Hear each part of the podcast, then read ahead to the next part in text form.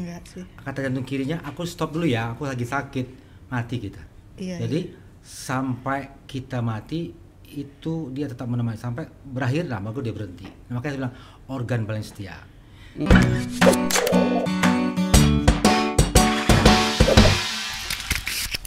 banyaknya orang-orang ini Mm, yang kena. hipertensi, penyakit jantung, penyakit ginjal, kencing manis. Ini orang berpotensi risikonya tinggi. Hmm. Nah, kalau dia ada ini, risiko kematian juga ikut tinggi. Resiko kematian Menjadi tinggi. 10-12 persen. Hmm. Tadi cuma 4 persen.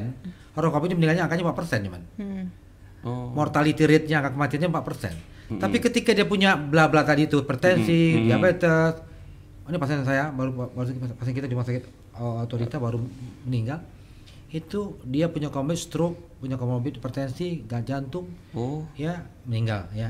Nah, contohnya ini. Jadi memang orang-orang mempunyai komorbid ini, penyakit penyakit ini, Berisiko. risiko ke- serangannya iya, kematiannya juga jadi tinggi. Hmm. Makanya kita mengharapkan kepada pasien-pasien kita yang jantung jangan banyaklah keluar rumah, jaga-jaga diri karena Anda terisiko tertular lebih tinggi. Tapi kalau dia harus kontrol dok gimana? Ya, makanya dia kalau kontrol ya kan dia menggunakan masker, jaga jarak, ya cuci Protokol- tangan. protokolnya harus Ya, ketat. Kalau bisa ya. memang kita harapkan dia kontrolnya jangan terlalu dekat. Hmm. Ya, dua bulan sekali, tiga bulan sekali kalau dia punya dana. Tapi kalau masalahnya kalau BPJS nggak boleh, Iya, dia pulang iya, harus iya. kontrol. Iya, iya, Tapi ya dengan cara menjaga jarak, pakai masker. Hmm. tetap. Hmm. Nah kalau Iya, kalau yang tadi itu gimana dok? Apa apakah benar COVID-19 dapat menyebabkan serang- serangan jantung? Ya, jadi gini. COVID itu kan COVID SARS-2 eh, itu kan eh, SARS-2 itu kan eh, merupakan sebenarnya dulu namanya eh, SARS zaman-zaman masih tahun-tahun eh, 2003 itu serangan SARS Singapura dulu. Ini dia menjelma sekarang menjadi COVID. Hmm. Ya. Eh, COVID SARS-2 misalnya. Eh, dia ini eh, lebih lebih apa em, daya tularnya lebih tinggi Hmm. dibandingkan SARS dulu ya. Eh, virus yang lama itu. Kemudian dia masuknya melewat saluran napas. Hmm. Jadi bagaimana serangan jantung itu terjadi pada pasien COVID ini? Ada dua cara, langsung dan tak langsung. Langsungnya gini, virus ini langsung berikatan dengan satu enzim di jantung dan bisa melakukan serangan pada jantung sendiri. Hmm. Jadi karena virusnya langsung menyerang jantung. Mengenai otot jantung, otot jantungnya mengalami infeksi namanya miokarditis. Nah, miokarditis ini kalau dia fulminan, kalau dia hebat, misalnya gagal jantung, shock, meninggal. Hmm. Itu langsung hubungannya. Nggak langsungnya dia mempengaruhi apa eh, infeksi dan segala macam terjadilah gangguan pada pembuluh koronernya. Hmm. Koroner ini menyebabkan serangan jantung koroner akut, meninggal juga. bisa. Atau akibat daripada ini terjadi gangguan elek, eh, apa, elektrolit, gangguan keseimbangan elektrolit kita kalium, kalium, natrium kita terjadi gangguan lebih rendah kan kondisinya memicu serangan jantung juga. Hmm. Atau obat yang diberikan pada pasien COVID ini sering kali bisa menyebabkan serangan jantung juga. Hmm. Oke. Nah, Ada itu yang ya? mekanisme tak langsungnya. Oke. Jadi ada yang langsung dia tuh kumannya langsung jalan jantung, Hmm, hmm. serangan jantung langsung kan? Iya. Ya. Yang kedua, tadi yang nggak langsung. Yang ketiga lagi, orang ini memang sudah ada kelainan jantung sebelumnya, adanya ini mau nambah berat. Nambah berat. Berarti kalau misalnya yang dia tadinya sebenarnya tidak ada jantung, tapi ke- mungkin kena karena kena COVID, dia bisa terkena Jadi serangan jantung. jantung. Makanya sekarang kalau kita ketemu pasien yang serangan jantung akut koroner, Mm-mm. kita harus curiga ini COVID nih. Oh, Karena ini merupakan uh, serangan COVID bentuknya karena serangan jantung koroner. oke. Sehingga harus kita pastikan dulu nih. Saya mau kasih lakukan tindakan pasang ring nih. Mm-mm. Saya pastikan ini COVID bukan. Covid enggak? Oh iya iya. iya. Oh, Karena itu iya, merupakan penjelmaan daripada COVID. COVID ini bermuka seribu, dasa muka. Menjelma jadi penyakit jantung. Dia bisa berupa uh, stroke, bisa berupa uh, batuk pilek, gangguan pe- penciuman, gangguan rasa. Makanya kalau suami-suami kalau pulang kerja bilang, "Mak, kok masakannya nggak ada rasa?" Hati-hati, panggil itu anunya petugas. Jangan-jangan dia kena COVID. Iya, iya, iya. salah Ibu-ibu gitu aja kalau suaminya bilang, "Nggak rasa, Mak." Wah, hati-hati nih suaminya kena COVID. Jadi itu ya. Jadi uh, bisa langsung bisa nggak langsung. Hmm. Itu kalau misalnya eh, supaya nih dok, maksudnya orang mungkin taunya nih ya kalau kena COVID ya kita taunya cuman oh dia nanti juga sembuh gitu, nggak akan kena ke ini gitu dok. Supaya nih eh, banyak yang bisa mencegah lah, maksudnya supaya ya kita juga nggak pengennya kena covid Iya. dok gitu supaya nggak sampai nyerang jantung kayak gitu-gitu gimana ya dok ya Ya kan prinsipnya kan pencegahan kan. iya Nah pencegahan itu ya sesuai dengan protokol covid lah. hmm. Tetap Ya ini, ini protokolnya secara umum dulu ya. Protokol covid itu kan 3M. Hmm. Ya masker, cuci tangan, kemudian menjaga jarak kan. Menjaga jarak.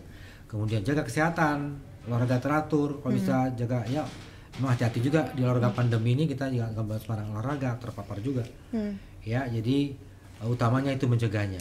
Pengalaman kami, pengalaman kami di rumah sakit di Batam, walaupun uh, dia apa berinteraksi atau atau berhubungan dengan orang COVID, tapi ketika dia menggunakan masker, face shield lagi, dia cuci tangan, kemudian dia menggunakan uh, apa uh, distancing, ternyata dia nggak kena tuh. Hmm. Petugas Artinya medis ya. bahwa benar itu distancing, jaga jarak, cuci tangan segera, ya. Pakai masker. ya jangan kucek-kucek muka kalau memang lagi di tempat-tempat umum gitu ya. Karena kita nggak tahu ortegi samping kita kiri kanan kita. Nah, maka itu ya kemungkinannya dia terlalu kecil. Itu ada anunya tuh cara-caranya. Hmm. jadi kalau kita satu orang pakai masker satu orang apa dua-dua nggak pakai masker dekatan itu hampir 100% kena. Satu pakai masker satu enggak dekatan itu mungkin 80 80 90 persen. Oh, dua-dua pakai masker nggak jaga jarak itu turun lagi. Sampai kalau dua-dua pakai masker berjarak cuma dua persen. Hmm. anda pakai masker dua-dua berjaga berjarak itu dua persen. maka cuma dua persen artinya tadi yang saya cerita tadi. Sakit itu kan orang takut kan Hmm. tapi ternyata petugas kita berkali-kali itu ada yang kena kemudian di swab semua kita cek. Itu kita tanya dia apa yang anda lakukan kita dia ketat masker. Malah double ya maskernya itu kalau rumah sakit itu kan ada N95 kasih lagi masker bedah kemudian pakai face shield. Ya dia pakai apa apa cu- jaga jarak cuci tangan nggak bicara sembarang-barang. Kalau lagi tugas makan nggak sembarangan satu satu ruangan. Habis makan buka buka buka buka apa masker ngomong ngabak ngablak gitu wow Nanti kalau itu dilakukan ya aman Hmm. Yes. artinya untuk orang awam apalagi orang kan nggak terlalu berisiko ya artinya Iya. jauh kan kalau ini rumah sakit itu lebih berentan kan. Nah, artinya betul 3M itu itu prinsip yang harus dilakukan untuk preventif Iya. Iya. Dok, kalau soal pe- apa eh, COVID-19 kan sekarang kampanyenya soal protokol kesehatan menghadapi COVID-19.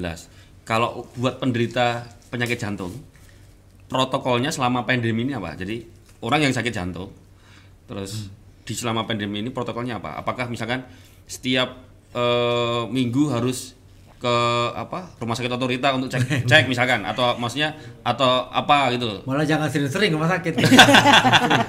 Barangkali makanya jadi kan tetap kalau- tetap 3M itu memang ya jadi eh, dia harus pakai masker. Mungkin agak sedikit double dikit lah kalau kalau dia udah berentan ya. Oh, Nggak bisa double N95 malah ya, ya. nggak bisa N95 mungkin ya. Karena dia lebih rentan. Kedua pasti ma- pokoknya masker ya. Hmm. kedua itu tadi cuci tangan. Sering-sering. Makanya kalau minum bawa hand sanitizer ya. Hand sanitizer. kemudian uh, jaga jarak. Itu tiga itu penting banget. Yang lainnya yang perlu dijaga adalah uh, minum vitamin ya karena itu vitamin vitamin C vitamin E itu untuk salah satu faktor uh, untuk preventif. Kemudian uh, kalau bisa berolahraga olahraga tuh nggak mesti keluar ke rumah jauh-jauh di sekitar rumah saja.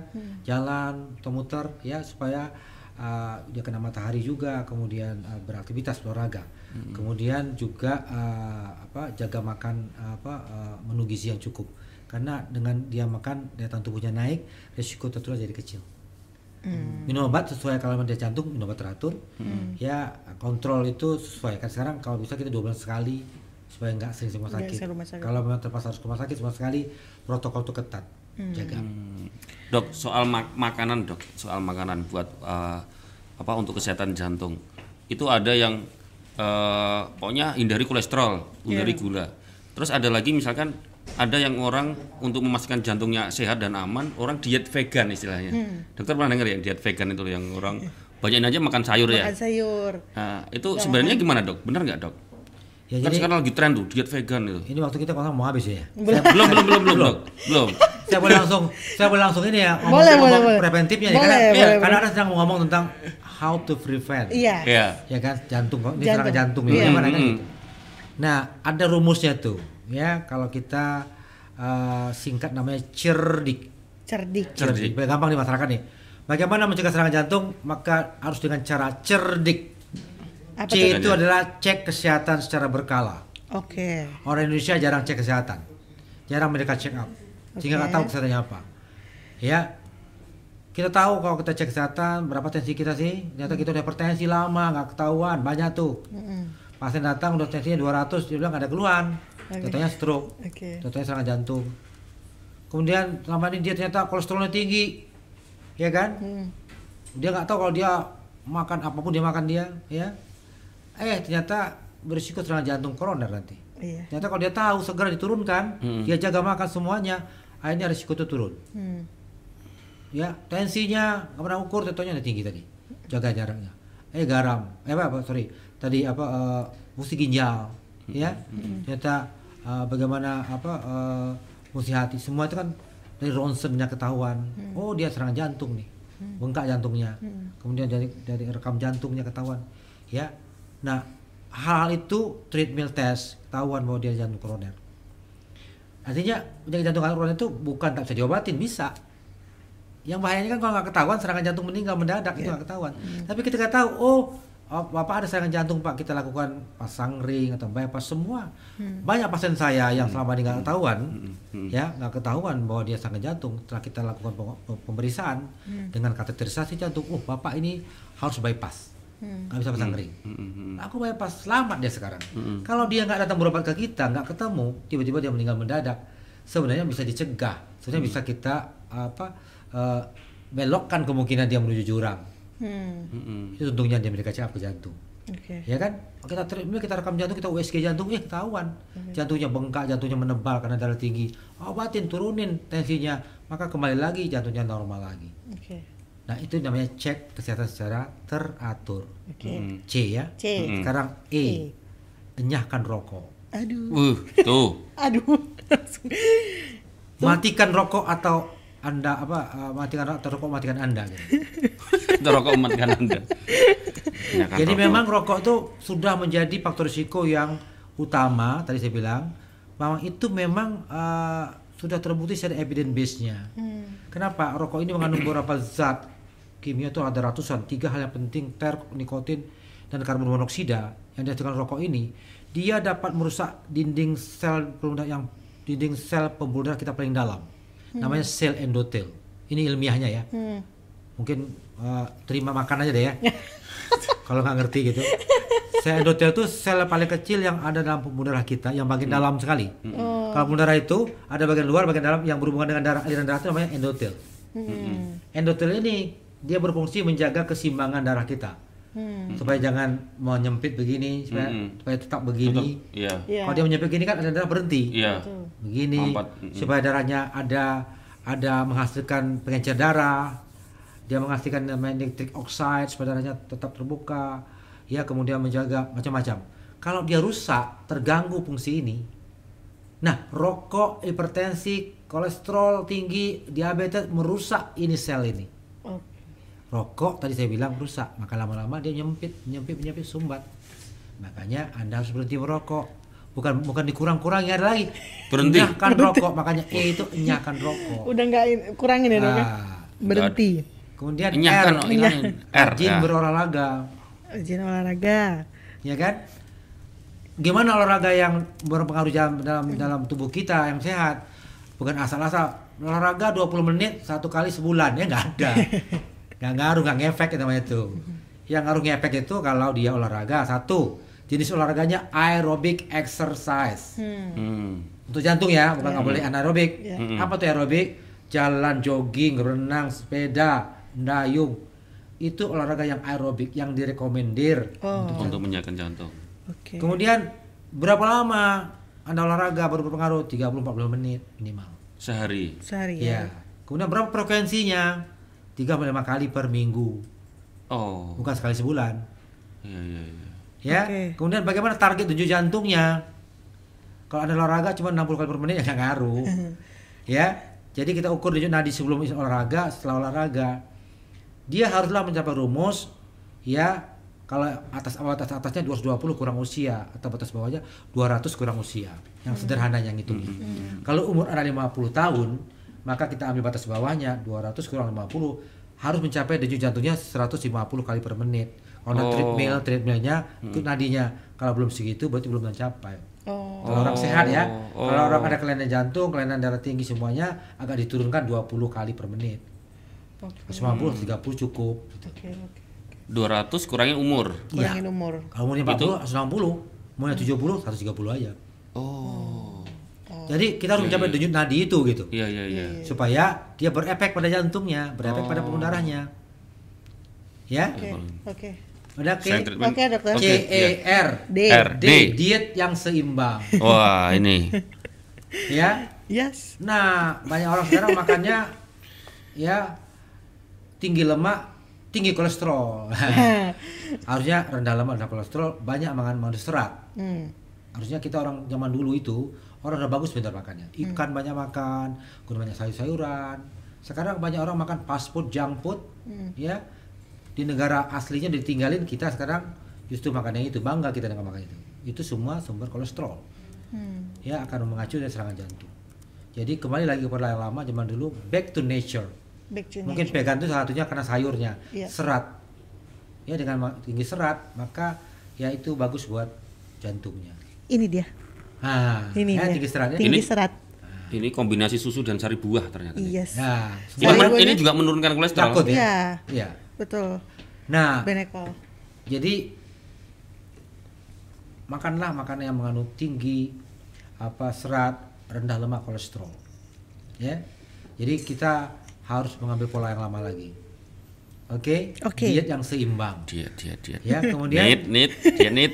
Iya kan? Iya, Iya. ingetin Nita. Istirahat yang cukup. I, oh, kurang istirahat dia juga serangan nih. covid bahaya jadi istirahat cukup itu ya jangan begadang terus gitu ya Iya, jadi kita perlu waktu berapa 6 sampai 8 jam istirahat apalagi orang covid ini banyak banyak mereka yang eh, kena covid harus istirahat kita pun yang belum semuanya eh, cukup istirahat ya Hmm. supaya eh, apa kita tubuh kita cukup waktu untuk ber, ber- beristirahat juga Hmm. ya karena ada ada penelitian orang yang bekerja orang tidurnya kurang dari 6 jam risikonya ya serangan serangan macam-macam tuh tinggi. Hmm. ya.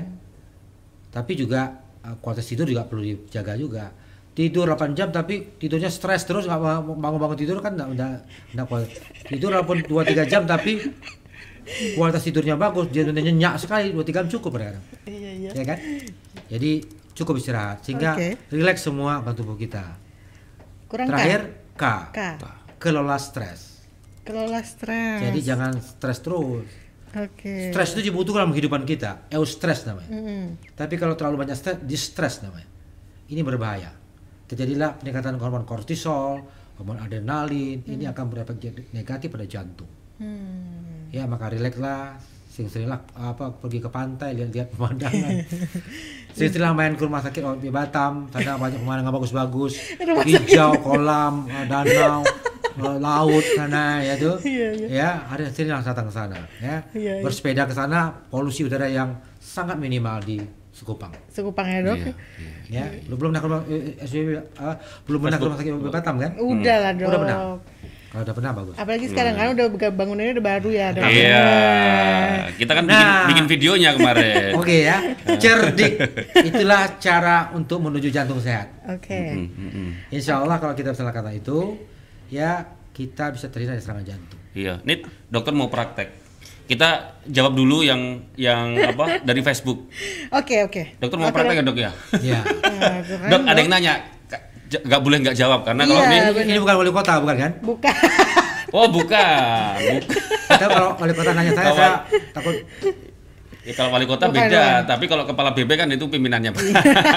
Pak dokter. ada namanya Rudi dok, Rudi S. Iya.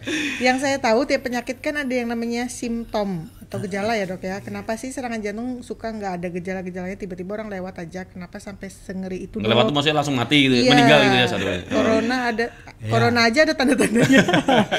iya dok, itulah. Dia sehat-sehat aja kan. berarti? tadi bahwa ada yang bergejala dan nggak tidak ya. Iya. Eh, simptom itu eh, gejala dan tanda. Hmm. Kita bilang simptom itu kumpulan gejala dan tanda. Tapi cerita gejala sajalah. Tanda itu misalnya eh, apa objektif. Kalau gejala itu subjektif keluhan. Hmm. Memang eh, sebagian sebenarnya nggak sebagian besar nggak bergejala. Sebagian besar itu bergejala. Cuman orang nggak ngeh kadang-kadang. Nggak ngeh ya. Saya bilang nyeri ulu hati, Hmm. dia pikir demam aja. Kemudian ada rasa sesak, agak capek, panas, dadanya. ya kadang nggak dirasakan agak cepat capek sesak nah itu sudah sudah ada kadang-kadang tapi bisa juga memang tidak ada ya tiba-tiba tiba-tiba nah makanya untuk itu kita perlu medical check up kadang-kadang kadang-kadang begitu Hmm. supaya kita bisa tahu lebih di early detection namanya deteksi dini Dok. nah itu ya Oke, nggak apa, lanjut. sebenarnya ada gejala sebenarnya karena nggak ngeh aja Enggak, enggak. Dok, soal medical check up, Dok. Kalau misalkan nih saya ke mau ke ke rumah sakit otoritas, saya mau medical check up hanya untuk jantung saja itu kita requestnya apa, Dok? oh bisa Maksudnya requestnya apa kita ke ini? Nanti kita, kita, cek jantung gitu. jantung, saya mau medical jantung dok. Khusus itu, jantung, Itu ya. sederhana, nggak mahal-mahal lah. Ya, anda bisa ke rumah sakit kalau seberang lebih mahal lah. Kita bisa murah dan itu bisa tahu jantung anda gimana. Hmm. Dokter datang, anda datang periksa fisiknya, dan kita mesti cek dulu dok fisiknya ya. Apakah ada gangguan kedengaran nggak dari dari luar? Bisa ketahuan. Contohnya katup jantungnya bocor ketahuan dari luar. Ya kan? Oh ini ada kelainan katup jantung nih. Nanti kita bukti dengan pemeriksaan lain. Kemudian cek laboratorium yang penting-penting yang yang yang yang kira-kira mengarah pada jantung. Kolesterol, posisi ginjal, posisi hati, ya, misalnya lain ya. Kemudian dari itu dokter akan periksa rekam jantung. Mm-mm. Rekam jantung tak selamanya kelihatan. Mm-mm. Kadang-kadang kita rekam jantung udah ketahuan kadang-kadang. Kadang-kadang nggak ketahuan. Treadmill test Sebentar. itu yang lebih tingginya. Bisa cukup di situ aja. Oh. Kalau mau lebih lengkap lagi, ekokardiografi USG jantung. Udah cukup Anda tahu bakal jantungnya. Nah, Enggak, tadi kan dokter kan di awal kan penyakit jantung kan macam-macam nih. Iya. Kan kita nggak tahu kita tuh ini Sakit masalahnya di listrik atau tadi kan- Ya. atau di katup atau Iya. a- apalagi yang nggak kelihatan-kelihatan tadi kan kayak perlu perlu kita tuh Cek cek dulu gitu loh Iya, untuk memastikan. Saya siap menanti Anda. Wah, ya. ya dok, ada lagi dok. Abel Wardiansah. Ini Abel ini Mbak atau Kak atau Mas Abel? Dok. Kayak cewek. Cewek. Oh Wardiansah ya. Kayak kayaknya. Dok, minuman sehat yang dijual di supermarket apakah bisa membantu mengurangi kolesterol yang ada di dalam tubuh? Apakah ada efek sampingnya? Oh ya, ada minuman-minuman atau makanan yang Apa tuh? Untuk Saya- mengurangi kolesterol. Saya, saya bukan orang orang orang orang orang supermarket ini. Iya. Apa tuh, Mas? Minuman sehat tuh apa yang mana? Nggak ya tahu, mungkin, mis- misalkan ya mungkin selain merek inilah saya sebut dulu. Iya. Eh, ada kan sekarang yang menurunkan kolesterol itu. Ya, sebenarnya uh, terus terang itu belum teruji ya. Kita gini uh, di dalam ilmu kedokteran itu uh, kalau kita mengatakan bahwa ini punya efek itu, obat ini bikin itu, semua harus terbukti secara ilmiah, evidence based medicine namanya. Itu ada tahap-tahapannya. Gak bisa orang klaim-klaim, oh ini obat ini bisa menurunkan ini kolesterol. Tahu dari mana? Pernah nggak diteliti? Ada nggak pembuktian ilmiahnya? Kalau mau coba buktikan orang minum obat ini, kolesterolnya cek dulu. Sekarang kolesterol LDL-nya 130. Minum obat itu yang dibilang tadi itu, tunggu dua bulan. Turun nggak? Kita Ceknya gampang aja. Bener nggak nurunkan?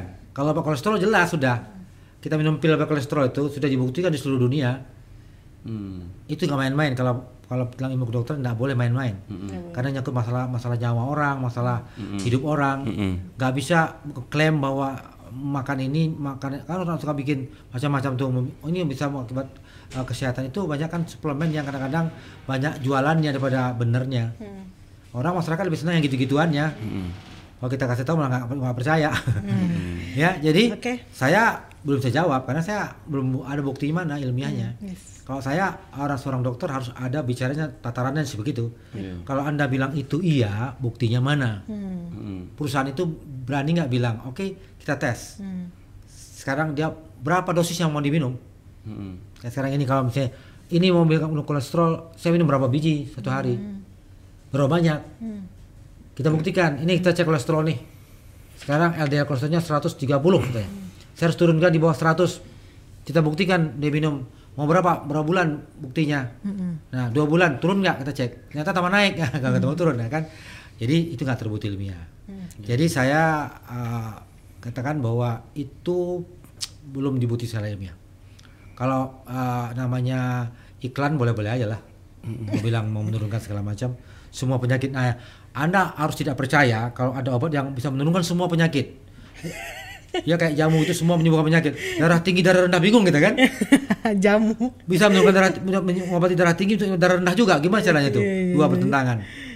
Ya jadi eh, saya bisa jawab saya belum bisa kasih kata katakan iya apa enggaknya karena saya nggak ada buktinya Iya, iya. ya kalau anda mau minum silakan saya juga nggak larang saya juga nggak nggak nggak nggak nggak larang juga nggak suruh gitu Nah, tuh Abel.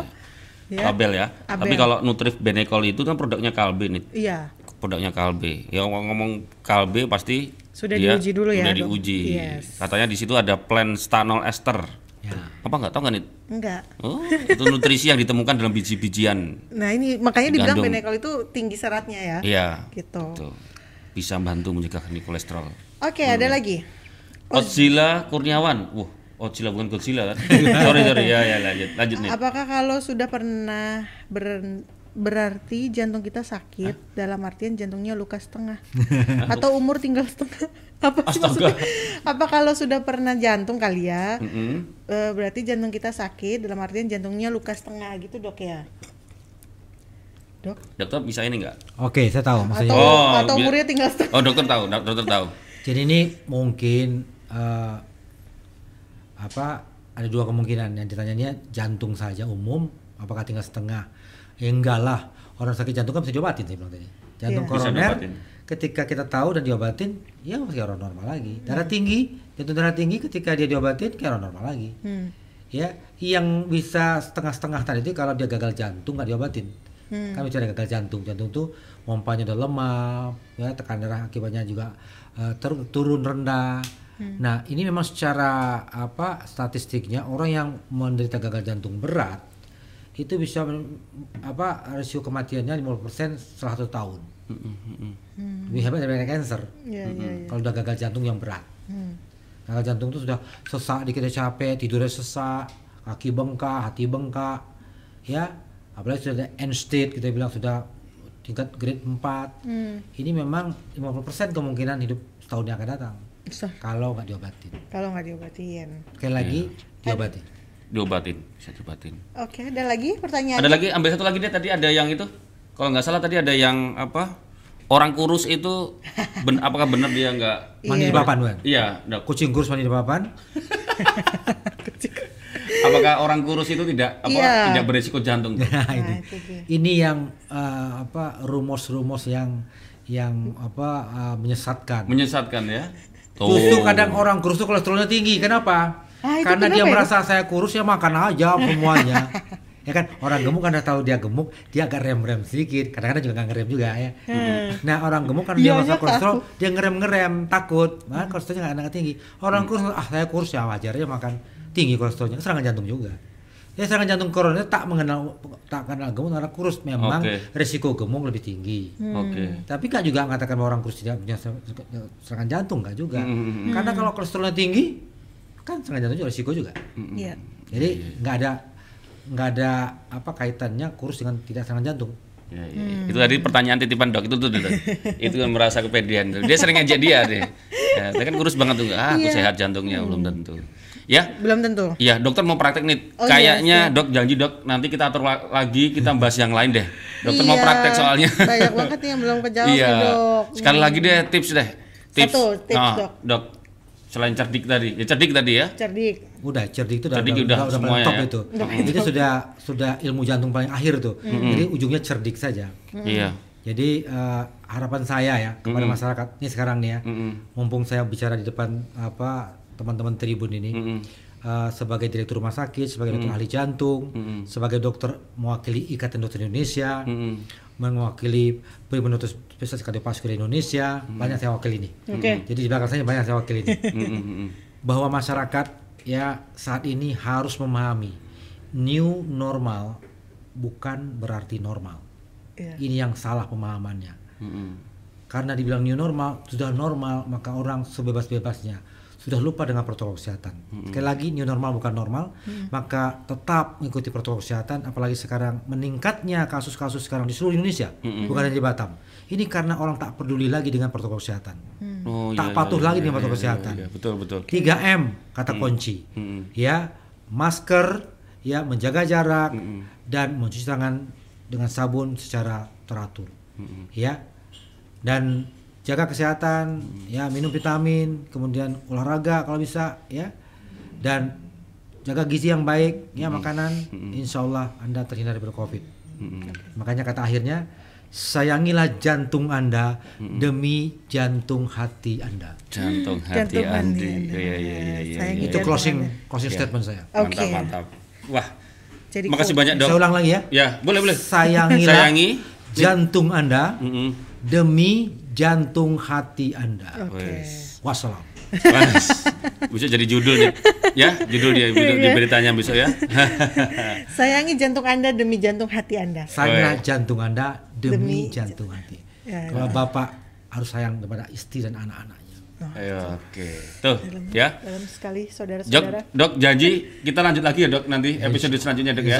Ya, kita atur waktunya yang agak Iya. santai biar ini kayaknya banyak kita pertanyaannya masih ada dua slide ini. Masih ada dua slide. Enggak. Saya Dua slide ya? punya 100 anu lagi, 100 apa 100 bahan lagi mau dibicarain. Penting. Nit, itu nit. Ini dok. Ya, kita minta kenang-kenangan dok. Kita yang minta kenang-kenangan, nggak ngasih kenang-kenangan dok nih. Iya, tanda tangan. Thank you ya. Beda ya dokter. Wah dokternya seru juga ternyata yang belum baru tahu direktur rumah sakit BB Batam, dokter jantung nih. Terima kasih Dokter Afdal. Dokter Abdal, ya, Afdalun Hakim. Abdalun Hakim, ya Afdal. sudah mampir di Tribun Podcast. Tribun Podcast. Terima Kayaknya kasih. dok, kita berapa kali ada ya dokter ya? Ada ya. Ah, ah. Seru-seru ya. Seru-seru. Ini ada lucu-lucunya nih dokternya. nih, ya. jago nih dokternya Jago. jago di dalam. Mungkin nanti kita stand up komedi kali ya. Oke dok, makasih Oke, dok. terima Mm-mm. kasih dokter, terima kasih Tribuners Mm-mm. ya. Yang tanya yang makasih banyak ya. ya. Mungkin belum jawab semua tadi. Belum Mm-mm. mungkin nanti bisa kita akan ini lagi ya, Dok. Mm. Sip. Iya. Oke, Tribuners besok kita ketemu lagi di jam 4 juga masih sama. Lain-lain saya lain kali saya yang jadi host itu. Anda yang jadi bicara sini. Aduh. Kita ngomongin apa? kita ngomongin jantung hati aja nih. Tunggu dok, jangan pergi dulu kita closing dulu sebentar, Oh, iya. oke? Tribuners ketemu lagi besok di jam 4 ya. Eh, kita ngebahas soal ekspedisi.